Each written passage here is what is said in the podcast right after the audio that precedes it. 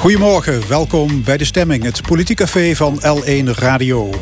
Ja, vanaf morgen kunnen 70-plussers en andere risicogroepen naar de stembus. Alle anderen worden geacht woensdag te gaan. Dan gaan alle stembureaus open.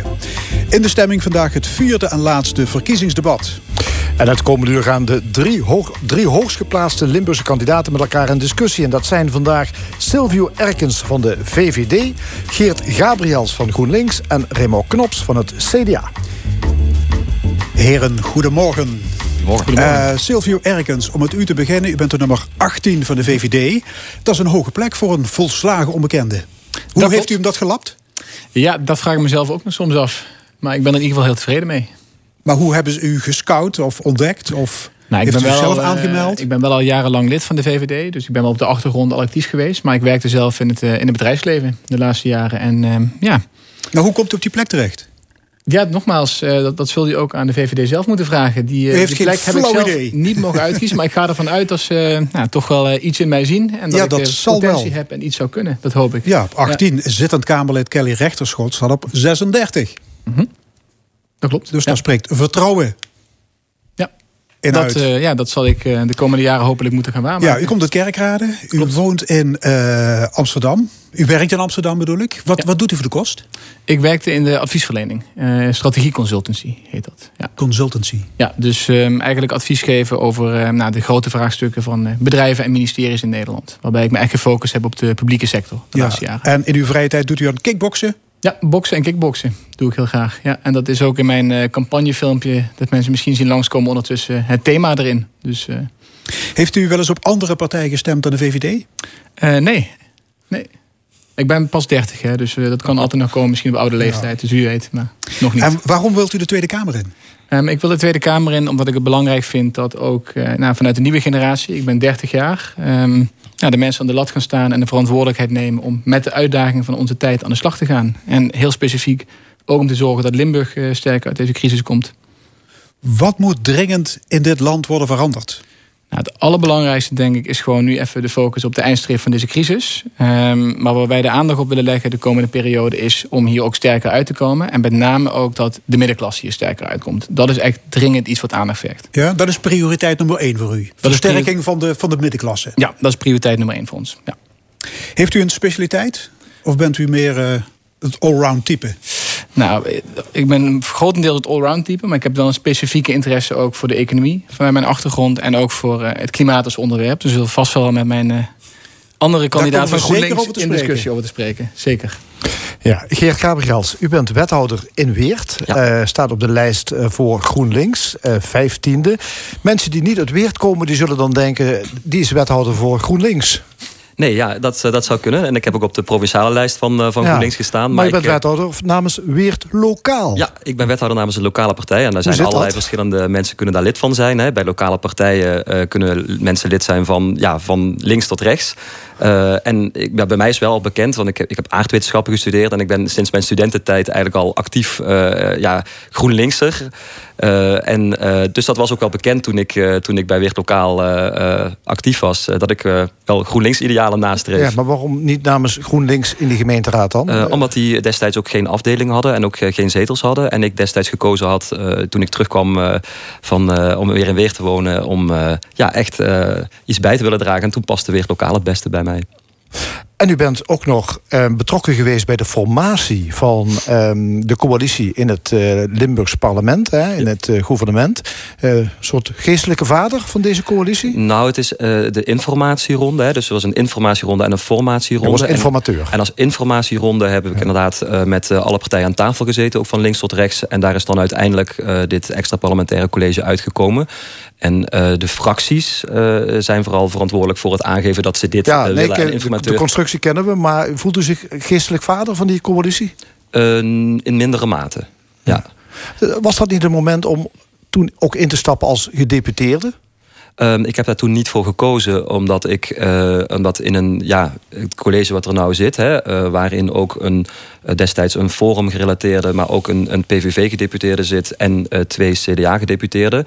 dat is voor mij niet met mijn, laten we zeggen, groene en linkse idealen, was dat voor mij niet ja, de plek om echt die idealen te gaan verwezenlijken. En ik heb daar dus ook niet voor gekozen. PVV, Forum en CDA, daar, daar ziet u zichzelf niet mee in één coalitie? Absoluut niet. samenwerken zou, zou kunnen. En het samenwerken kan sowieso. maar om echt doelen te bereiken, om echt in een coalitie te zitten of in een dat lijkt mij, dat, ja, de inhoud ligt zo ver van elkaar af op het gebied van klimaat. U heeft afgelopen donderdag kunnen zien het debat tussen mij en de, iemand van de PVV, waarin ook gewoon gezegd wordt: ja, klimaat uh, wordt niet, er is geen klimaatverandering en dat komt al helemaal niet door de mens. Dat als je dat soort basale zaken niet met elkaar kunt delen, lijkt me dat heel moeilijk samenwerken op dat vlak. Ja. Oké, derde aan tafel is Remo Knops, vijfde op de CDA-lijst. U bent de demissionair staatssecretaris, zelfs een tijdje minister geweest. Ja, een radiobad met twee nieuwkomers, daar draait u uw hand niet voor om? Nou, ik vind het hartstikke leuk, omdat ik uh, het uh, belangrijk vind dat, uh, dat er meer Limburgers in Den Haag actief worden. En ik heb beide heren nu al een aantal keren meegemaakt in de debatten. En ik heb gezien dat ze heel veel passie hebben voor de provincie. En daar kunnen we niet genoeg mensen van hebben. Ja, u bent niet speciaal op trainingskamp geweest voor dit debat? Nee, nee, dat niet. U bent de campagneleider voor het CDA. Ik heb de indruk dat de campagne niet helemaal gesmeerd loopt. Dat is vindt, net, vindt u dat ook? Het is maar net hoe je dat bekijkt. Kijk, die campagne is sowieso anders dan anders. Hè. Iedereen uh, worstelt een beetje met, ja, sowieso in heel Nederland natuurlijk met de gevolgen van corona. Wat er allemaal wel en wat er niet kan. En politici die willen altijd mensen opzoeken. Die willen met mensen in contact komen. Die willen mensen zien. Uh, die moeten soms aangeraakt kunnen worden bij spreken. Ja, dat kan allemaal niet. Ja. Dus goed, dat, geldt, dat geldt voor alle partijen natuurlijk. Hè? Ja, zeker, dat geldt voor alle partijen. Maar dat is ook precies wat ik zie ook bij andere partijen. Dat dat soms ongemakkelijk voelt. Omdat je andere wegen moet bewandelen dan dat je eigenlijk zou, uh, zou willen. Ja, maar uw spitsenkandidaat Wopke Hoekstra, Hoekstra die krijgt veel kritiek dat moet u ook zijn opgevallen, denk ik. Nou, volgens mij krijgen heel veel kandidaten uh, kritiek. Uh, het is maar net waar die vandaan komt. Uh, en het is heel makkelijk om natuurlijk vanaf de bank te zeggen hoe iemand wel of niet moet opereren. Kijk, nou ja, er wordt hebben... gezegd, hij mist dossierkennis, hij kent het eigen verkiezingsprogramma onvoldoende, nou, draait vaak om de vragen heen, spreekt als een consultant. Heeft u het daar met hem over? als campagneleider? Natuurlijk spreken wij over dit soort dingen. Maar hij is 14 december is hij lijsttrekker uh, geworden van CDA. Of iets een paar dagen daarna. Toen Hugo de Jonge besloten om, eh, om niet meer voor lijsttrekkerschap te gaan. Dus we hebben wat dat betreft wel een, hele bijzondere campagne ook als, als team gehad. Want wij moesten snel schakelen. Het programma was nog niet vastgesteld, de concepten nog niet. Dus we, we hebben daarna heel veel werk moeten verzetten. En ik vind dat hij het heel goed doet. Kijk, ehm, het is ook een beetje dat mensen dat het lijkt alsof het een soort wedstrijd moet worden, zo'n debat. Hè. Wie is de beste, die beter en wie is de. Maar volgens mij is het veel belangrijker om te kijken van uh, hoe gaat het land na corona verder en wie gaat dat land leiden. En, uh, en Wopke is iemand die de afgelopen jaren ook als minister van Financiën echt heeft laten zien uh, dat hij uh, zijn mannetje staat. En ja, hij heeft inderdaad misschien minder ervaring met debatteren, maar hij is wel authentiek. Volgens mij maakt u het bruggetje al naar, naar, corona. Het is nu een jaar geleden, hè, rond deze tijd, dat minister-president Rutte de intelligente lockdown afkondigde. Eh, toen wisten we nog niet wat ons boven het hoofd zou hangen. Maar inmiddels kunnen we terugkijken op uh, een jaar met overvolle IC's, mondmaskers, sluitingen van winkels, horeca, scholen, steunmaatregelen, de avondklok. Nou ja, we kunnen er even doorgaan. Heeft het kabinet Nederland het afgelopen jaar overtuigend door de crisis geloodst, Geert Gabriels? Ik denk uh, dat ze ehm, nou, dat is een heel goede vraag. Uh, ik denk dat ze af en toe een beetje gezwapperd hebben. Maar het is natuurlijk ook uit te leggen dat, uh, dat als je de informatie niet volledig hebt en niemand weet van tevoren wat, ja, wat de informatie precies is, dat dat ook heel moeilijk is om een lijn te trekken. Dus ik denk dat dat niet heel slecht gebeurd is. Ik denk wel dat er andere keuzes gemaakt hadden kunnen worden met bijvoorbeeld sneller testen, eerder testen of um, ja, snellere lockdowns. En dus soms kwam het over als, als halfslachtig. Um, en ook, laten we zeggen, um, vliegtuigen uit Londen nog steeds binnenlaten. Terwijl dat je weet dat daar. Uh, dat zijn wel heel rare keuzes gemaakt. Ook ten aanzien van KLM ondersteunen en MKB'ers in mindere mate.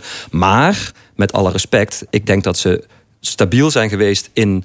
Um, toch het vertrouwen. Want dat zie je ook in alle uh, kiezerspeilingen. Dat mensen toch zeggen van wacht even, Rutte en het kabinet hebben het gewoon heel goed gedaan. Dus, dus, dus ja, dus, ik, dus ik zit daar twee een beetje dubbel in. Ja. Nou ja, ja met, met zo'n oppositie is het makkelijk, hè? Remo Knops.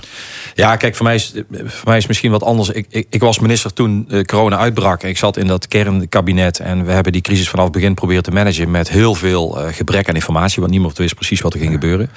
Dus ik ben het wel met Geert Gabriels eens. Natuurlijk zijn er dingen misschien niet goed gegaan, maar over de grote lijn gezien hebben we continu die balans proberen te zoeken. Dus aan de ene kant zeg maar het beschermen van mensen die kwetsbaar zijn. Hè, en de ziekenhuizen niet laten overlopen. En aan de andere kant zoveel mogelijk ruimte te geven. En ja, het is zo, dat vind ik ook af en toe ingewikkeld om uit te leggen waarom een sportschool nu niet open mag en, en de basisschool wel. en, een, en een restaurant ook nog niet. Maar dat doen we allemaal in het belang van, ja, van de hele samenleving. Want, maar nu zijn we op het moment in een discussie beland dat misschien allemaal wat sneller zou kunnen. Hè? Bijvoorbeeld met sneltest. Er, liggen testen, die liggen in, in de pakhuizen. En ja, ze komen niet op de plekken waar ze moeten zijn. Uh, is, is dat iets uh, waarvan u zegt van ja, dit, dit is echt iets wat het kabinet veel voortvarender zou moeten aanpakken, meneer Erkens?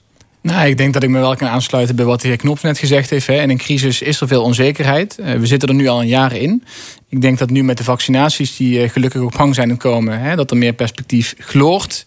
En aan de andere kant gaan we natuurlijk ook naar een samenleving, zelfs met die vaccinatie, waarin corona wel zal blijven. Dus sneltesten zullen daar gewoon een belangrijke rol in moeten spelen. Maar de vraag was, zou het niet sneller kunnen? Want we weten die sneltesten, die, die zijn er. Alleen ze worden dus niet ingezet blijkbaar. Nou, die sneltesten zouden wellicht sneller kunnen. Maar de allergrootste bottleneck die we nu hebben, is gewoon eh, dat die vaccins te laat uh, geleverd uh, zijn. Dus er zijn afspraken gemaakt met fabrikanten, ook op Europese schaal. En je moet gewoon een bepaalde mate van de bevolking, en met name de meest kwetsbaren, gevaccineerd hebben voordat je echt kunt overgaan tot ook het inzetten van bijvoorbeeld uh, sneltest en, en misschien wel uh, vaccinatiepaspoorten en dat soort zaken.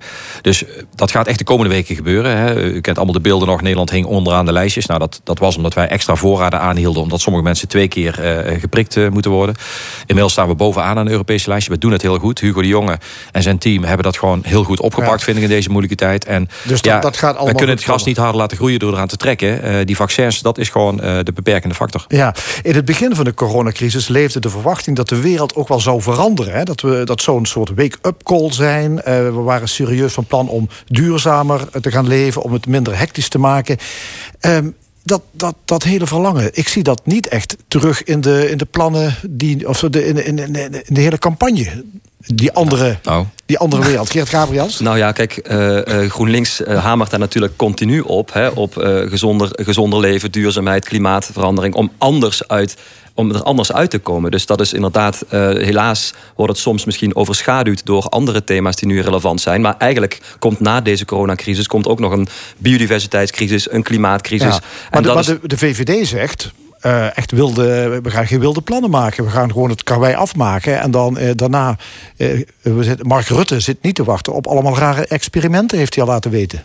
Nee, niet op rare experimenten. Hè. Nogmaals, volgens mij zijn er twee fases hierin te onderscheiden. Aan de ene kant hebben we um, nu de eindstreep van die crisis halen. Dat, dat is ook het herstelplan wat Mark Rutte noemt. Hoe zorg je dat die economie zo snel mogelijk eruit komt? Hoe zorg je dat MKB'ers er aan de slag komen? En niet dat mensen alsnog omkiepen later dit jaar. Dat is stap één. Nou, stap twee hebben wij natuurlijk ook gewoon nieuwe plannen voor die nieuwe tijd. Hè, want, want we zien ook al op het gebied van duurzaamheid, die groei wat we gaan aanjagen, ook wij willen groener worden. Natuurlijk verschilt het ambitieniveau um, over hoe snel dat moet met GroenLinks. Maar daar willen wij ook stappen in zetten. Preventie in de zorg. Zorgen dat de zorg ook bestendiger is voor een toekomstige crisis of pandemie. Dat zijn ook lessen die wij hieruit trekken. Ik denk dat de crisis zelf goed gemanaged is met de informatie die we toen hadden. Um, maar we moeten ook lessen gaan trekken om, om in de toekomst nog beter voorbereid te zijn. Ja, goed. Nog andere lessen die getrokken zijn uit het, uit het verleden. Mhm. Wat opvalt in de verkiezingsprogramma's is de kritiek op de doorgeschoten marktwerking. Uh, zelfs de VVD is van haar geloof gevallen. Meneer Erkens, u heeft meegeschreven aan het verkiezingsprogramma. Mhm. Waarom is de vrije markt niet meer heilig? Nou, ik laten we het anders zeggen. Ik, ik denk niet dat wij uh, ons vertrouwen in marktwerking op alle vlakken hebben opgegeven. Maar marktwerking is ook geen doel op zich. Marktwerking is een doel om te komen tot gewoon een sterke economie, een goed inkomen voor iedereen. En wat te zien is dat de wereld wel veranderd is. Hè. Onze bedrijven hebben concurrentie vanuit uh, Chinese staatsbedrijven die met subsidies hoog gehouden worden. Die verliezen de concurrentie daartegen. Um, onze bedrijven nou, hebben concurrentie van uh, de techgiganten in California. Ja, dat zijn eigenlijk gewoon monopolies. En ook op andere vlakken zien we gewoon dat de concurrentie met bedrijven in het buitenland niet altijd eerlijk verloopt. Dus wij moeten ook zorgen dat we wat dat betreft onze bedrijven wel een gelijk speelveld aanbieden. Remo Knops, uh, is het CDA ook van, uh, van de oude politiek af? Nee hoor, wij zitten nog op de, op de lijn die we hadden. Namelijk dat wij nooit geloofd hebben in, in volstrekte marktwerking. En in experimenten bijvoorbeeld rondom de zorg om winstuitkeringen in de zorg en zo mogelijk te maken. Ik denk juist dat deze crisis bevestigd heeft dat we een sterke overheid en goede samenwerking nodig hebben. Dat er natuurlijk prikkels in mogen zitten, maar dat het niet alleen maar moet gaan over kostenefficiëntie. mag een voorbeeld noemen. Als het gaat om de beschikbaarheid van hulpmiddelen bij de bestrijding van corona. Maar ook bijvoorbeeld bij de vaccins die we uit het buitenland van ver weg zouden moeten halen hebben we in Europa te veel uh, ons gebaseerd de afgelopen jaren op als het maar goedkoop is en als we het maar zo, zo, zo, snel mogelijk kunnen hebben. Ja, maar we hebben het wel uitbesteed aan landen die ook zelf spullen nodig hadden. Dus we moeten de, de afhankelijkheid verkleinen. We moeten zelf meer dingen doen. En we moeten ook leren, en dat, ik denk dat dat echt wel een les is ook van deze coronatijd, dat bijvoorbeeld uh, niet noodzakelijk is dat iedereen elke dag, s ochtends vroeg, in een autootje of in een treintje stapt naar zijn werk. Maar dat je ook op een andere manier uh, zeg maar kunt, kunt werken. Dat hebben we allemaal geleerd in dat grote sociale experiment wat we de afgelopen jaren hebben meegemaakt. Laten we daar nu ook de goede lessen uittrekken. Ja, je geeft nog Geert ja, Gabriel. Daar, wil ik dan wel op meneer Gabriel, is dit het gelijk van links? Nou, dat is een beetje inderdaad precies wat ik wilde zeggen. Het is een beetje jammer dat, laten we zeggen, het CDA en de VVD daar nu eigenlijk achterkomen. Terwijl het de afgelopen jaren toch heel veel mensen en inwoners gezegd hebben: wacht even, die marktwerking in de zorg, een geld als perverse prikkel uh, voor, voor, ziek zijn wordt bestraft, bij wijze van spreken. Dat dat, dat nu uh, eigenlijk die, in die programma's toch een beetje naar links wordt opgeschoven. Terwijl dat, dat natuurlijk aan de andere kant al heel vaak. Nee, maar dat is niet juist. Als je kijkt naar ons programma, is dat, is dat op dat punt is dat niet wezenlijk anders dan in de afgelopen jaren. Nou, in ieder geval, het is wel zo dat um, um, armoede toegenomen... dat het kabinet wel er oor heeft laten hangen... echt naar grote bedrijven, multinationals... Die, uh, en de gewone mens uh, en de publieke sector... is eigenlijk gewoon uitgekleed. Dus het is relevant om toch die publieke sector ja, sterk te maken, meer overheidsinvloed daarin te krijgen. Om gewoon mensen die buiten de boot vallen, en het zijn er hartstikke veel, om die nu gewoon ook te gaan helpen. In plaats van KLM of multinationals. maar dat, maar dat, dat doe je ook door bijvoorbeeld, zoals in onze eh, plannen staat, om een solidariteitsheffing in te voeren. Dus er zijn heel veel bedrijven, MKB-bedrijven, die het heel lastig hebben in deze tijd. En door van de grote jongens die flink verdiend hebben de afgelopen tijd een extra heffing te vragen, denk dat dat, uh, dat, dat eerlijk is. waarom dat, nu pas? waarom niet eerder? Nou, omdat nu ook heel duidelijk wordt dat er grote verschillen zijn in die uh, markt. Er zijn gewoon heel veel bedrijven die als gevolg van corona het heel moeilijk hebben. Ondanks alle steunpakketten uh, van de overheid. En dan nog even naar de zorg. Kijk, in die zorg moet je wel, je moet prikkels inbouwen. Uh, dat niet iedereen uh, elke dag uh, voor het minst of geringste naar die zorg toe gaat. Als je dat, als je dat namelijk als je dat niet doet, dan wordt de zorg onbetaalbaar, zeg in de richting van meneer Gabriels. En dan vertelt u toch een verhaal wat uiteindelijk niet eerlijk is, want die rekening die moet ergens betaald worden. En we hebben ook met z'n allen de plicht om mensen die zorg nodig hebben, om die te helpen, maar om onnodige verzoeken zeg maar, rondom zorg, om die te verminderen. Ja, nog even Silvio Erkens, VVD. Ja, nee, dat punt rondom de zorg. Hè, dus ik heb zelf een aantal jaren in Amerika gewoond. Ik heb daar ook uh, in het zorgsysteem gezeten. Dat systeem hebben wij niet. We hebben geen, geen zorg die uh, winst maximaliseert. Hè. Of je nou de bankdirecteur bent of de vuilnisman. In Nederland krijg je gewoon dezelfde zorg. En dat is iets waar we trots op mogen zijn. Ehm, de zorg heeft ook de laatste tien jaar is er 18 miljard extra naar de zorg gegaan. Dus ook wij investeren in de zorg. Maar het is natuurlijk altijd een moeilijke balans. Hoe zorgen we dat iedereen toegang houdt? Hoe zorgen we dat de kwaliteit van die zorg verbetert? En hoe zorgen we ook dat de geld overhouden voor al die andere belangrijke zaken? Laatste korte reactie, Gabriel. Kijk, als je, ziet, als je ziet nog dat de zorgverzekeraars zoveel invloed hebben en ook kunnen gaan over sluiting van ziekenhuizen of wat dan ook. En als je ziet dat toch heel veel mensen niet uh, naar de dokter gaan vanwege het eigen risico wat ze misschien niet kunnen betalen, dan denk ik ben het deels met u eens hè, dat, dat, dat, dat, dat Nederland goede zorg heeft. Maar dit kan echt anders. Oké, tot zover deze eerste ronde. En we gaan luisteren naar Kate en Anne McGarrel. Complainte pour Sainte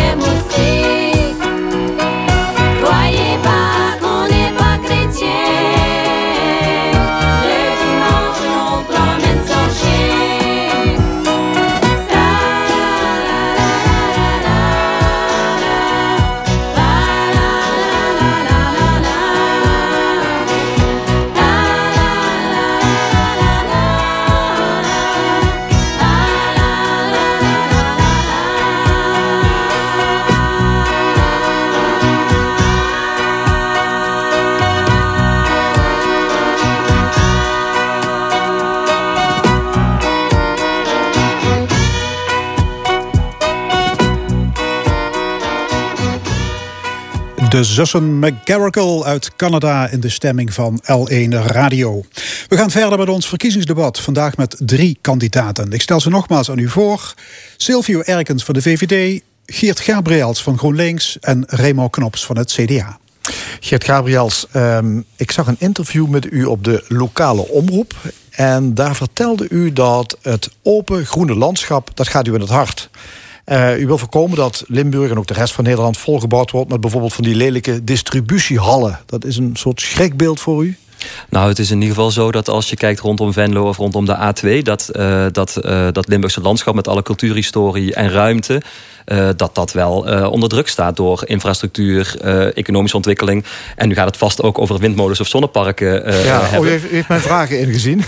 Want ik dacht van, ja, GroenLinks is wel een grote voorstander van windmolens, zonneparken. Ja. Loop je daarmee niet hetzelfde risico. Nee, kijk, dat is, inderdaad, dat is inderdaad interessant. Kijk, GroenLinks is voor windmolens op zee en zon op dak. En daarnaast ook als inwonerscollectieven ook eh, zonneparken of windmolens willen ontwikkelen, zoals bijvoorbeeld in Weert of in Leudal, dan kan het ook een, een toevoeging zijn soms in het landschap. Hè, op bijvoorbeeld bepaalde gebieden waar monocultuur heerst in de agrarische sector bijvoorbeeld, kan uh, uh, het een verbetering zijn. Maar uh, waarom wordt het argument van landschaps, uh, laten we zeggen, vervuiling altijd wel gebruikt als het over zon en wind gaat? En niet als het over distributiekantoren of bijvoorbeeld een snelweg door Amelisweert uh, gaat? Dat vind ik heel vreemd. Um, want we hebben een andere energievoorziening nodig. En natuurlijk moet het landschap daar ook ja, in blijven bestaan en, en die waarde blijven behouden, behouden. Maar dat moet je dus ook echt met lokale gemeenschappen goed. Maar is dat voor u, u zegt um, windmolens op zee en zonneparken op daken? Ja, dat, dat, ja, dat zal weinig weerstand opleggen. Maar gaan we het daarmee redden, uh, Nee. Knops? Nee, daar gaan we niet meer redden. Uh, wij zijn er overigens ook voor. Hè. Uh, dus uh, ik denk dat niemand daar tegen is. Maar het probleem doet zich juist voor op die plekken waarbij je ziet dat er meer nodig is dan wat er nu gebeurt. Ook op de kortere termijn, daar is GroenLinks ook voor. en zeker, hier zitten drie partijen aan tafel die niet ontkennen dat er een, een, probleem is met het klimaat. Laten we dat ook maar even vaststellen. Dus dan zul je een aantal maatregelen moeten nemen. En ja, dan kun je eigenlijk, vinden wij als CDA, geen enkele optie uitsluiten. Dan zul je goed moeten kijken hoe je dat doet. Ik ben nu zelf verantwoordelijk voor het Rijksvastgoed en in, de, in Noordoostpolder. Ja, wel, welke optie bedoelt u dan op? Nou, Kernenergie? Ja, maar ook waterstof. Dus je zult een aantal van die opties uh, zeker in de lucht moeten houden. Voor de korte en voor de langere ja. termijn. Ja, dus zo, zo, en je moet slimmer met, met ruimte omgaan. Ja, Daar ben ik het wel met Gabriel eens. Ik vind dat wij, uh, dat wij in Nederland nog te veel... Uh, daarom ben ik ook helemaal niet zo enthousiast over die zonnepanelen... op die, op die agrarische gronden. Uh, omdat dat wel een hele makkelijke manier is om, om geld te verdienen, zou ik bijna willen zeggen. Maar we hebben ook die grond nodig voor andere uh, doeleinden. Ja. Gabriels? Nou, ik, ik, ik vind het... Uh, kijk, tuurlijk zijn wij ook voor, voor, voor zon op land en voor, voor hè, zon op dak eerst... maar ook voor zon op land en windmolens. Maar wat ik ook nog een extra iets wil invoegen is dat... Um, coöperatieve gedachten. Dus niet dat we laten Chinese ontwikkelaars of commerciële bedrijven hier alle wind- en alle zonnepanelen gaan, uh, uh, gaan beheersen. Uh, maar dat via coöperaties kunnen ook gewoon inwonerscollectieven, ja, en dat is dan groen en links, die kunnen dan profiteren van de revenuen en van de opbrengsten. Dus, dus ik geloof heel erg dat de draagkracht van inwonerscollectieven, dus van coöperaties, ervoor kunnen zorgen dat je zon op land en ook windmolens goed gewoon kunt inpassen in het landschap, ook in Limburg. Maar dan wel op een coöperatieve manier, zodat ook iedereen de opbrengsten ervan. En ook misschien om bijvoorbeeld een school open te houden in kleine kernen. Dus wind op, op zee, zon op dak en coöperatieve uh, wind- en windmolens en zonneparken ja. In, ja. Sergio Erkens, VVD, wat, uh, wat vindt u? Nou, interessant genoeg vind ik uh, het punt rondom de distributiecentra... dat vind ik ook een goed punt. Ik vind ons Limburgs landschap heel mooi. Ik ben zelf ook een grote natuurliefhebber. Dus het land inderdaad verliezen ons landschap... wat onze provincie zo uniek maakt aan distributiecentra... of windmolenparken op land hè, of zonneweiden. Dat lijkt me enorm zonde. Um, ook wij zijn voor zon op de daken en grote windmolenparken op zee.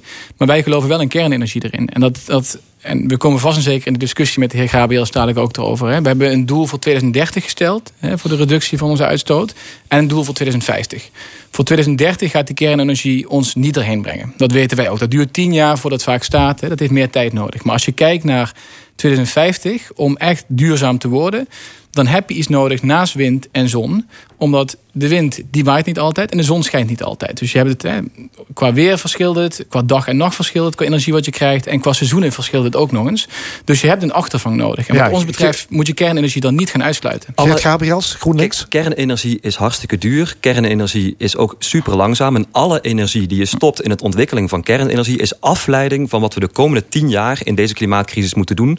GroenLinks wil echt een brede aanpak van die klimaatcrisis. Dus niet alleen in de opwek, maar ook in de landbouwzaken aanpakken. Maar ook de mobiliteit. Hè. Minder vliegen, meer treinen. Dus op een brede aanpak moet er een, echt een klimaatfonds komen. Om op, op een brede aanpak integraal die klimaatcrisis die we de komende tien jaar hebben, moeten tien jaar echt vlammen. En niet nu alle aandacht Maar waarom op sluit je dan opties uit op Nee, voorhand? maar Dat omdat alle discussie nu gaat over kernenergie. Er is nog geen debat geweest over het klimaat zelf en over de komende tien jaar. De hele tijd wordt kernenergie gewoon als eh, zand in de motoren gestrooid. Nee, dat is pas voor laat. Het is hartstikke duur. Het is Dat gewoon niet. Het is, en het het afval. En niemand durft te zeggen van waar willen we die kerncentrales dan ook, ook, ook plaatsen. Het is echt een, een, ja, een, een soort van afleiding. Om, om, we moeten het hebben over wat we de komende tien jaar gaan doen. Daar moet alle energie naartoe. En het kan ook met inderdaad waterstof, groene waterstof... en met zon, eh, zo- zonneparken, Ja. windmolens. Het, het kan. Het is- en aquathermie, geothermie, Ja, het leidt, leidt af van de echte af. discussie. Raymond Knops, Volgens mij zijn we het best wel eens over dat er heel veel moet gebeuren op alle vlakken. En daarom is het juist heel bijzonder dat GroenLinks elke keer als anderen beginnen over een van die alternatieven, namelijk kernenergie, dan roepen van ja, maar dat is een afleidingsmanoeuvre. Nee, dat is geen afleidingsmanoeuvre, omdat wij juist ook na 2030 nog een aantal doelstellingen moeten realiseren die je op de traditionele manier gewoon Maar niet wat gaat doet, u dan halen. tot, wat doet u tot 2030? Want, want ik, ik wil dan heel graag weten, wat doet u dan tot 2030 om die doelen van 60% die dan GroenLinks eh, wil, 60% die CO2-reductie. CO2-reductie, sorry.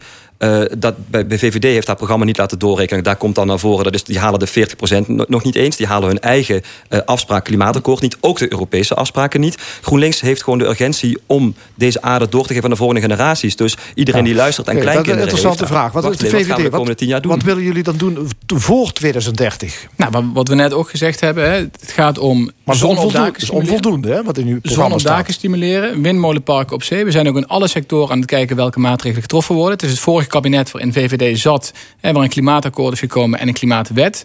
We hebben daar allemaal gekeken met de mobiliteit, met de Maar landbouw. Wat voor stappen worden er gezet? Daar worden ook al stappen gezet. Nu klopt het inderdaad ehm, dat we kijken langzaam. richting 2030. Maar we moeten ook geen paniekvoetbal gaan spelen. We gaan elke paar jaar gaan bekijken. Er komt informatie van een nieuw kabinet. Over twee jaar ongeveer wordt de klimaatwet weer geëvalueerd. Wij gaan dan ook kijken welke stappen nog nodig zijn. Maar we gaan niet nu helemaal in paniek nog honderd maatregelen over de samenleving uitgooien. Terwijl we al een plan hebben gemaakt. Je moet het Maar ook tijd geven om te werken. Als u, als u het woord paniekvoetbal gebruikt, dan zegt, bent u eigenlijk, stimuleert u daarmee de, de houding van bijvoorbeeld Forum of PVV, die zeggen van er is niks aan de hand. Wij moeten ervoor zorgen dat wij met al onze inwoners en de samenleving met het, ervoor zorgen dat we die klimaatcrisis aanpakken. Want niets doen is duurder. En alles wat we nu niet doen, moeten we later extra doen. Dus we moeten nu aan de slag de komende tien jaar. Daar volle, ja, volop inzetten. En niet zeggen van ja, we gaan maar met kernenergie bezig. Waarvan, er geen, waarvan echt ook is aangetoond dat het hartstikke duur is en heel veel landen niet werkt. punt, u heeft uw punt gemaakt. We gaan naar een ander thema. De regio. Die krijgt de meeste aandacht van het CDA. De partij zegt de Randstad zit bomvol... en daarom kunnen krimpgebieden groeiregio's worden. Meneer Knops, wat betekent dat concreet voor Limburg? Nou ja, Limburg heeft natuurlijk formeel een aantal gebieden die zijn aangewezen als eh, krimpgebieden. Ik heb dat altijd een vreselijke term gevonden, want dat is een soort van ja, zichzelf eh, eh, eh, uitkomende prophecy, hè, self-fulfilling prophecy. Ik heb even niet het Limburgse woord ervoor. Ehm, eh, een soort wensgedachte. En dat, dat moeten we niet willen. En ik heb altijd gezegd, het feit dat je ver van Den Haag af zit is geen enkele indicatie voor wat dan ook. Want we zitten hier midden in Europa. En als er nou iets is waar ik de afgelopen jaren mee bezig ben geweest... en ook nou, tot op de dag van vandaag... gelukkig met steun van anderen uit, de, uit Limburg... aandacht voor gevraagd hebben en ook maatregelen voor heb genomen... is, hou nou eens op met dat de hele tijd de regio of de krimpregio te Ja, praten. nee, snap ik. Want dat is maar Maar- net hoe je ernaar kijkt. En heel concreet, wilt u hoogopgeleide vanuit de Randstad naar Limburg halen? Nou, als we nou eens gewoon beginnen met mensen eh, die hier eh, geboren zijn, getogen zijn. eh, ook de, de plek geven waar ze kunnen wonen, waar voldoende bedrijvigheid is, waar ze kunnen ontwikkelen. het stoppen van de brain drain. Grensoverschrijdend denken, inderdaad. En, en toch even, die coronacrisis. We hadden het net over duurzame maatregelen, daar wilde ik iets over zeggen. Ik ben nu concreet bezig om, om plannen uit te werken. Om te kijken hoe je rijksambtenaren niet fulltime bijvoorbeeld in Den Haag kunt laten werken, maar parttime. Zodat ze ook in de regio kunnen wonen. Dat ze daar ook onderdeel van de samenleving kunnen zijn. En Limburg heeft zoveel te bieden. En die regio-deals die we de afgelopen jaren af hebben gesloten... met zowel Noord-Limburg als met Parkstad... die hebben ook tot doel niet om van wat is Limburg zielig, ze moeten geld hebben. Nee, om te kijken waar zit de potentie. En kijk eens over die grens. Dat hebben we gewoon, hebben we natuurlijk wel gedaan over de grens gekeken... maar we hebben te weinig over de grens echt uh, samengewerkt. En dat, daar, daar liggen heel veel kansen. Ja, Limburg moet groeien, zegt u. Dus meer bedrijven, meer inwoners, meer infrastructuur, nou, vervoer, nou, groeien, woningbouw. Plus een sterke landbouw. Gaat dat niet ten koste van de aantrekkelijkheid van deze provincie? Namelijk rust, ruimte en landschap. Nou, Limburg hoeft niet te groeien, maar er moet, uh, moeten nieuwe ontwikkelingskansen worden aangeboord. En die zijn er al. Kijk naar de, naar de Brightland uh. Kijk naar de maakindustrie die we, die we hier hebben. We hebben heel veel ingrediënten om het ook goed te kunnen laten blijven gaan in de komende tijd. Maar daar zullen we in moeten investeren. Dat gaat niet vanzelf. Ik pleit niet dat Limburg moet verdubbelen of zo qua inwoners. Of dat hier meer boerenbedrijven zouden moeten zitten. Het zullen er eerder minder worden, is de verwachting. Maar het gaat erom dat je die kennis die hier ook zit, dat je die hier houdt. En dat je niet een soort achtertuin uh, wordt van, van andere gebieden. Dat, dat is nergens voor nodig. Geert Gabriels, ja, eh, eh, CDA zegt Nederland moet worden heringericht. De, de regio's moeten groeien. Limburg, Zeeland, Twente. Wat vindt u? Nou, GroenLinks heeft in ieder geval in haar verkiezingsprogramma ook heel veel aandacht voor de regio. Bijvoorbeeld over Limburg staat er echt van alles uh, in. Dat wordt nog wel eens onderschat. Natuurlijk is CDA doet dat heel goed en heeft dat heel vaak ook in, hè, in allerlei verkiezingsprogramma's uh, terug laten komen. Maar bij GroenLinks eh, staat bijvoorbeeld ja, het beschermen van het Zuid-Limburgs landschap erin, uh, investeren in natuur rondom de Peel, maar ook bijvoorbeeld treinen tussen Eindhoven, Venlo, ja. Düsseldorf en Aken, Heerlen. Dus er zitten verschillende aanknopingspunten. Ook duurzame chemie in, in, in Zuid-Limburg. Uh, maar maar het, het, het, is natuurlijk niet zo dat je het landschap, laten we zeggen, in, in Limburg staat al onder druk om het alleen maar aan groei te koppelen.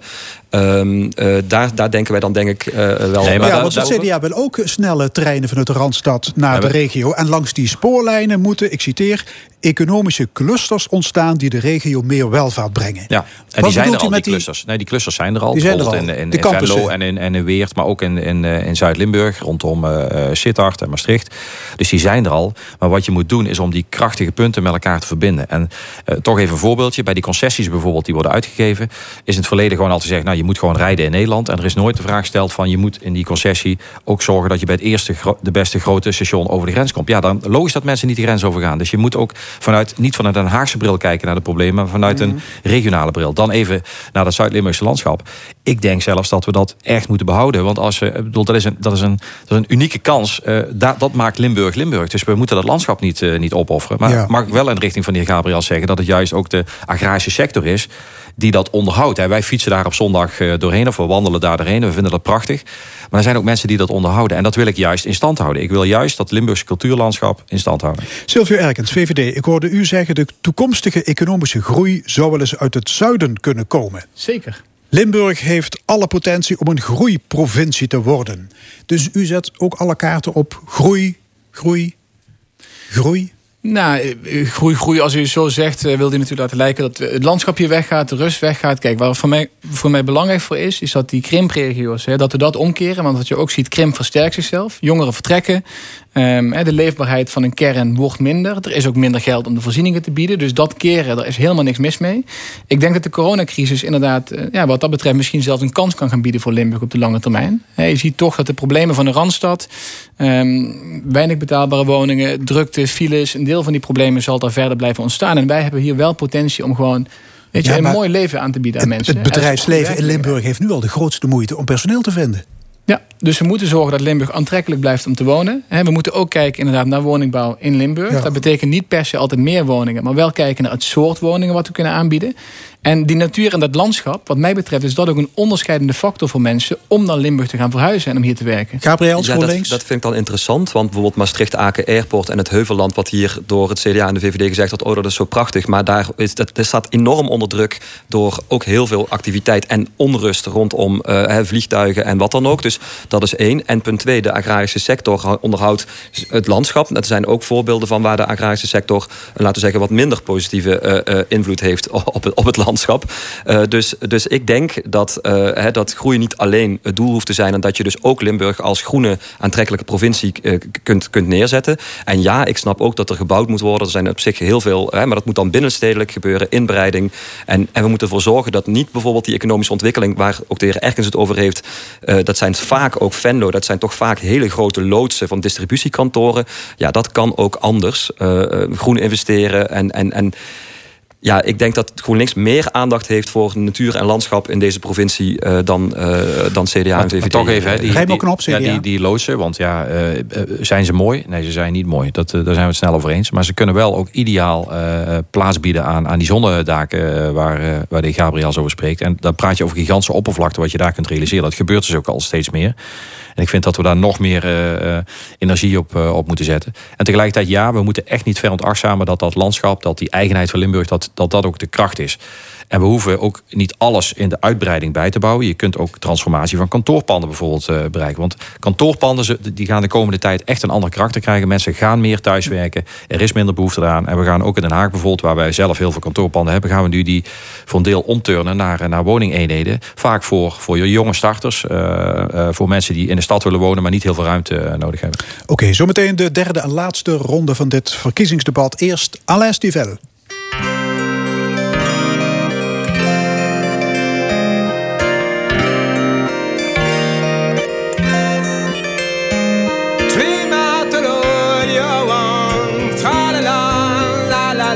kim out lodio ifon dave agit kim out lodio tra la la la la la trim out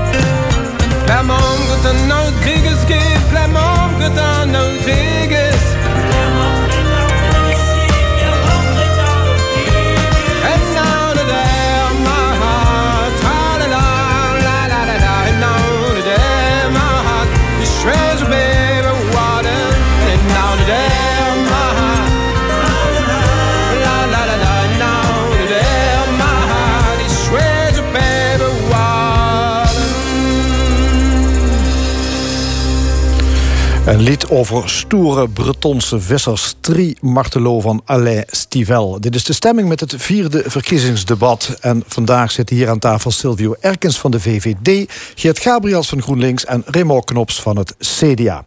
Ehm, ja, stel jullie komen in het kabinet. Het zou voor GroenLinks trouwens eh, de eerste keer zijn, eh, Geert Gabriels. Ehm, wat moet er per se overeind blijven in het programma van GroenLinks? Willen jullie gaan meedoen? Nou ja, dat, is, eh, dat lijkt mij logisch. Dat heeft te maken dus met, uh, met gewoon de klimaatcrisis tegengaan en investeren in natuur. Hè. Uh, dus, dus GroenLinks wil 100.000 nieuwe hectare natuur aanleggen. en ook gewoon die klimaatcrisis en niet, niet de rekening doorschuiven naar andere generaties. Dus dat zijn, dat, ja, laten we dat op één zetten. Daarnaast, ja, natuurlijk, als er dan nog in onderhandelingen zaken overblijven, dan is dat dan heel graag ja. de, de, de, de, de verdeling tussen arm en rijk en het aanpakken van uh, ja, miljonairstaks en daarmee publieke sector uh, in, Inperking van de veestapel, is dat impliciet hangt dat Dat hangt samen met het klimaat. want ook in de, in de landbouw is natuurlijk qua, qua CO2 en methaanuitstoot en stikstofuitstoot, dat, hangt, dat, dat valt bij ons onder, laten we zeggen, laten we het klimaatprobleem breed aanpakken. Ja. Dus niet alleen opwek, maar ook landbouw en mobiliteit. Ja, Raymond Knops, CDA, komt wel weer in de regering natuurlijk. Hè? Nou, dat... Toch? Hangt van de uitslag af. Ja, Dat, uh, nee, dat, dat, kun je nooit zo zeggen. Ik, ik, ben niet van, uh, van de school die nu uh, begint te formeren. En, en we hebben ook eerder heb ik dat ook meegemaakt in de Kamer. Dat wij hebben gezegd, we gaan echt niet meedoen. En we gaan al die maatregelen rondom die nee. gaan we niet steunen. Wat, waar zou op kunnen sneuvelen? Wat, wat is voor het CDA echt heilig? heilig voor het CDA. Nou ja, wat wij belangrijk vinden, wij geloven heel sterk in de kracht van de samenleving. En die samenleving heeft een stevige tik gehad uh, de afgelopen jaar. Uh, op alle fronten. Uh, en eigenlijk zou je kunnen zeggen dat die samenleving in een soort onnatuurlijke vorm is gedrukt door alle maatregelen die we hebben moeten nemen, helaas. En dat, dat vraagt dus ook weer herstel. Dus er zal zowel in economische zin, maar ook in maatschappelijke zin zal er eh, kijk naar het onderwijs, eh, kijk naar het verenigingsleven. Die hebben allemaal een, een behoorlijke tik gehad. Daar zul je maatregelen voor moeten nemen. Het komend kabinet, wie er ook in zit, zal de taak hebben om dat weer te repareren. Maar ook de zorg. Bijvoorbeeld, wat kunnen we leren van die coronacrisis en hoe gaan we dingen anders doen? Dus er zijn op heel veel vlakken grote uitdagingen. Natuurlijk ook het punt van de heer Gabriels, want daar heeft ook dit kabinet zich aan gecommitteerd. Dus daar zullen ook maatregelen genomen moeten worden. Maar ik zie daar ook wel kansen, juist door die lessen van die coronacrisis, om dingen anders te doen dan dat we gedaan hebben. Ja, maar ja, op de beperking van de veestapel, dat zal moeilijk, zullen jullie elkaar nou, moeilijk vinden als uh, GroenLinks en CDA? Nou, wij zijn daar niet op tegen. Alleen we zeggen, het moet wel op vrijwillige basis. Wij vinden, uh, we vinden het prima dat er gekeken wordt. En dat maakt ook wel deel uit van het huidige pakket aan, uh, aan zeg maar, hoe we stikstof kunnen terugdringen. Om te kijken waar zitten de grootste uitstoters. Uh, waar ligt de grootste druk. En welke ontwikkelingen op bijvoorbeeld op het gebied van woningbouw kunnen niet plaatsvinden. Doordat daar bijvoorbeeld een bedrijf zit wat heel veel uitstoot heeft. Maar dat kan alleen maar op vrijwillige basis. Iedereen heeft de mond vol van een betrouwbare overheid. En ik vind dat je ook op dit vlak als overheid volstrekt betrouwbaar moet zijn. Ook naar ondernemers die hun zielenzaligheid hierin uh, gelegd hebben. Ja, de VVD, Silvio Erkens, volgens mij hebben jullie maar één programmapunt. Hè? Dat is uh, gewoon uh, Mark Rutte die zijn karwei laten afmaken. Het verkiezingsprogramma is ongeveer 100 pagina's lang. Ik uh, heb het nu meerdere keer doorgelezen, dus er staat een stuk meer in. Kijk, het, belangrijkste natuurlijk is wel voor ons uh, in de korte termijn de crisis. Hè, zorgen dat we die eindstrip halen en dat, uh, nou, dat we met z'n allen doen. Maar wat daarna het belangrijkste is voor ons, is zorgen dat wanneer de economie weer aangejaagd wordt, dat we echt wel aandacht hebben voor de middenklasse en het MKB. Want we hebben ook gezien dat de laatste tien jaar, dat het daar steeds moeilijker voor is geworden. En dat mensen steeds moeilijker het hoofd boven water houden. Dus zorgen dat waar belastingverlichting kunnen geven, dat het naar het MKB gaat en de middenklasse. Dat is wat ons betreft het belangrijkste punt in het herstel wat er ook gaat komen. Ja, lagere belastingen. En uh, verdraagt zich dat met alle, alle plannen die nu op tafel liggen? Want we, we zitten al uh, behoorlijk in de schulden in Nederland door de coronacrisis. Ik hoor de VVD zeggen, ja, de belastingen moeten ook nog omlaag. Nou, dat, ik geloof dat de VVD dat niet over de hele linie uh, zo doet. Uh, maar kijk, je moet een aantal dingen doen. Je moet repareren wat er nu uh, ja, stuk gemaakt is, zeg maar. Je zult bedrijven echt moeten helpen die in principe gezond waren... om die door die crisis heen te loodsen. Dat heeft ook alles te maken met werkgelegenheid, met zekerheid voor mensen. Maar tegelijkertijd hebben we natuurlijk ook de verplichting om niet die schuldenlast, die inderdaad, we hebben natuurlijk de afgelopen jaren ja, gespaard. We hadden een hele gezonde overheidsfinanciën. We konden dit doen als, als kabinet, we konden deze maatregelen nemen. Maar als ik zie hoe sommige partijprogramma's op dit moment uh, doorgerekend zijn... en dat dat leidt tot, bijna, eh, tot schuldenlasten van bijna 100% van ons bruto nationaal product... dat is echt ongezond, dat moeten we niet willen. Dat is ook niet goed voor komende generaties. Dat is ook niet goed voor de solidariteit. Dus we zullen een goede balans moeten vinden. En ja, natuurlijk, wij zijn ook als CDA... dat staat ook in ons programma, hebben we ook doorgerekend... komen op de bres voor die middenklasse. Iedereen heeft door de middenklasse, maar dat is de drager van, van de samenleving. Dat zijn de mensen die ook vrijwilligerswerk doen. Dat zijn de mensen die gewoon hard werken in de zorg, in het onderwijs bij de politie.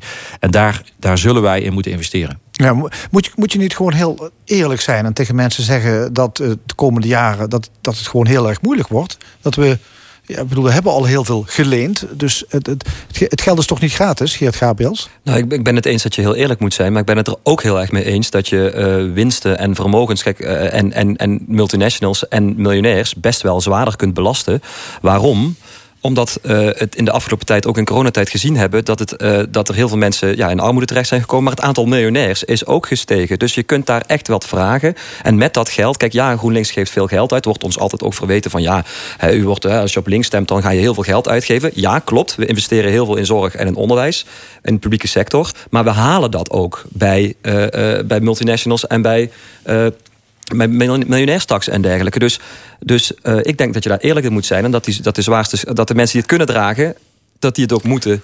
Maar dat ja, en, wij... en, en, Nederland staat op de vierde plaats van de ranglijst van belastingparadijzen. Nou, dat. Moeten, moeten onze belastingwetten aangescherpt worden, de Knops? Nou, dat is een, een, specifiek verhaal voor bedrijven die hier zeg maar, zich administratief vestigen om daarmee uh, zeg maar, minder belasting te betalen. Ik vind dat je daar goed naar moet kijken wat dat echt bijdraagt aan de, aan de Nederlandse economie. Maar even andersom, wij staan ook heel hoog op de lijstjes van uh, de minste ongelijkheid in de wereld. Dus uh, hier is een progressief belastingstelsel. En hier is het gelukkig zo, en daar ben ik trots op, dat mensen die meer verdienen, dat die ook niet alleen meer belasting betalen, maar ook procentueel als onderdeel van een inkomen meer belasting betalen. En dat, dat is goed, want dat betekent dat, dat wij juist al die voorzieningen, als het gaat om mensen aan de onderkant van de samenleving, maar ook bijvoorbeeld mensen die uh, werkloos worden, om die te helpen aan een baan, dat we, dat, dat we daar ook aan uh, in kunnen investeren. Maar de ongelijkheid groeit toch in Nederland? Nou, eh, eh, ik kan niet ontkennen dat sommige mensen die veel vermogen hebben, dat die inderdaad, uh, dat dat vermogen de afgelopen tijd. Ik zie nu een eekhoorn, dan moet ik even de heer Gabriel even wijzen dat hij daar weer rent. Maar, uh, nee, maar er wordt hier wel echt onder, niet onderkend dat, het, dat de armoede enorm toegenomen is. Dat heel veel studenten echt met een grote schuld, woningmarkt, nog geen normale, niemand kan meer een normale woning kopen in, in een stad of wat dan ook.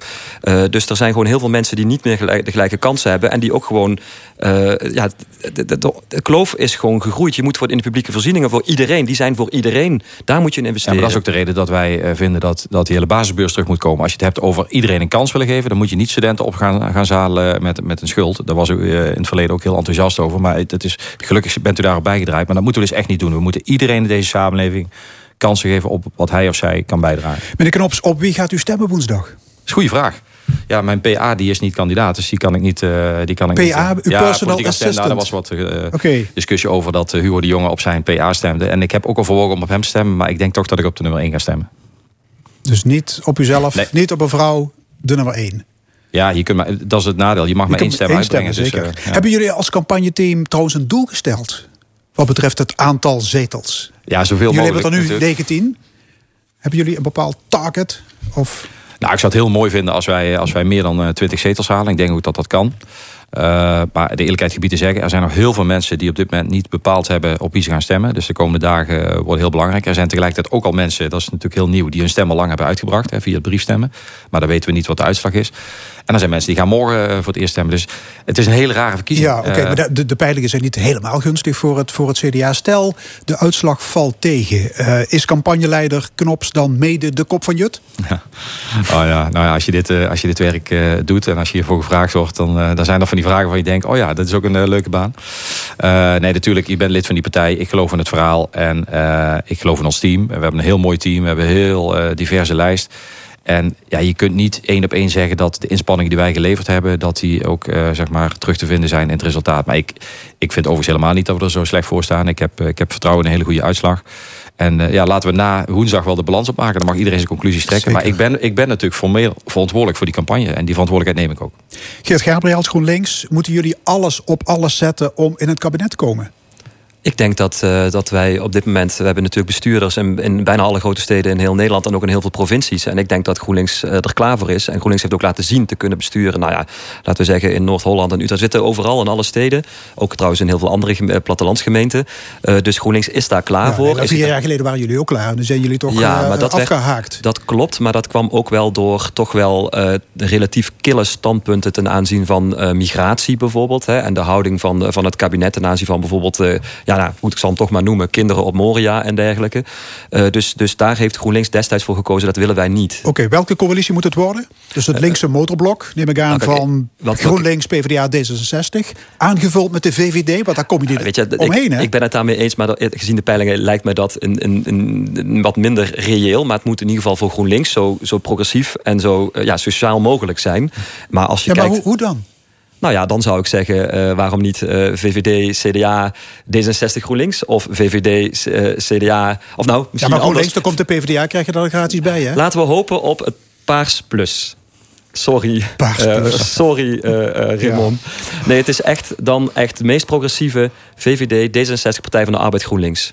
Ik ben wel blij om te horen dat u de VVD zo hoog heeft staan. Nou ja, in uw lijstjes. Die, op een of andere manier blijven mensen erop stemmen. Ondanks al, alle zaken die je toch aantoonbaar kunt, kunt aanwijzen dat die, niet goed zijn gegaan. Maar goed, u heeft het vertrouwen in de kiezer waarschijnlijk. Meneer Erkens, er is ja, grote kans op uh, kabinet Rutte 4. Moet de VVD niet eens nadenken over de post-Rutte-periode? je weet nooit hoe lang dit kabinet in het zadel blijft zitten. Heb je geen uh, kroonprinsen nodig? Korte termijn, wellicht? Ja, uiteindelijk moet je altijd nadenken over de periode die uh, hierna komt. De vraag is, wanneer is dat? Dat weten we ook niet. Volgens mij uh, doet Mark nu een ontzettend goede baan als premier in deze crisis... om ons er doorheen te leiden. Volgens mij is nu het belangrijkste dat we gewoon de focus hebben... inderdaad de komende maanden. Um, en dat daar ook de aandacht in uitgaat. Hoe zorgen we dat Nederland uit deze crisis komt? En um, ja, wie denkt men dat daar het beste voor geschikt is om dat te doen? Ziet u de VVD in één coalitie stappen met de SP? Nou, volgens mij um, het heeft niet veel zin voor mij om te gaan speculeren over welke coalitie er komt. Ik denk dat het belangrijkste vooral is dat er snel een nieuwe coalitie komt. En niet dat we negen maanden kwijt zijn aan de formatie in crisis. Ja, maar u heeft toch wel een beeld van, van uw ideale coalitie straks? Nou, volgens mij zijn er gewoon meerdere opties. En de verkiezingsuitslag is ook nog niet binnen. Volgens mij gaat het een hele puzzel worden als je kijkt naar hoeveel partijen er misschien nodig zijn. Dus uh, ja. We gaan het gewoon zien. Ja, meneer Knops, voortzetting van de huidige vier partijencoalitie. Uh, heeft dat uw voorkeur? Ja, ik, ik, ik ben eigenlijk niet echt bezig met, uh, maar dat komt ook door al mijn werkzaamheden met formeren. Dat gaat natuurlijk wel heel snel spelen, maar alles bepalend daarvoor zal de uitslag zijn. Uh, welke combinaties zijn mogelijk? We hebben de afgelopen jaren met vier partijen in het kabinet uitstekend uh, kunnen samenwerken. Ook al wat af en toe dingetjes gehad, maar op zich uitstekend kunnen samenwerken. Dus wij zijn ook een land van een traditie van samenwerken. Dan moeten ook alle partijen dat willen. Hè? Ja, maar getalsmatig wordt dat kiele kiele. Ja, maar moet, ja, die andere opties die u noemde, die waren nog veel verder uh, weg. Dus, waar de heer Gabriels over droomde. Dus ik, ik, ik, ja, ik, ik weet het niet. We zullen moeten zien. Het is aan de kiezer om, om uh, nu te bepalen. Uh, die hebben de sleutel in handen. En daarna dan is het aan anderen om te kijken wat daarvan gemaakt kan worden.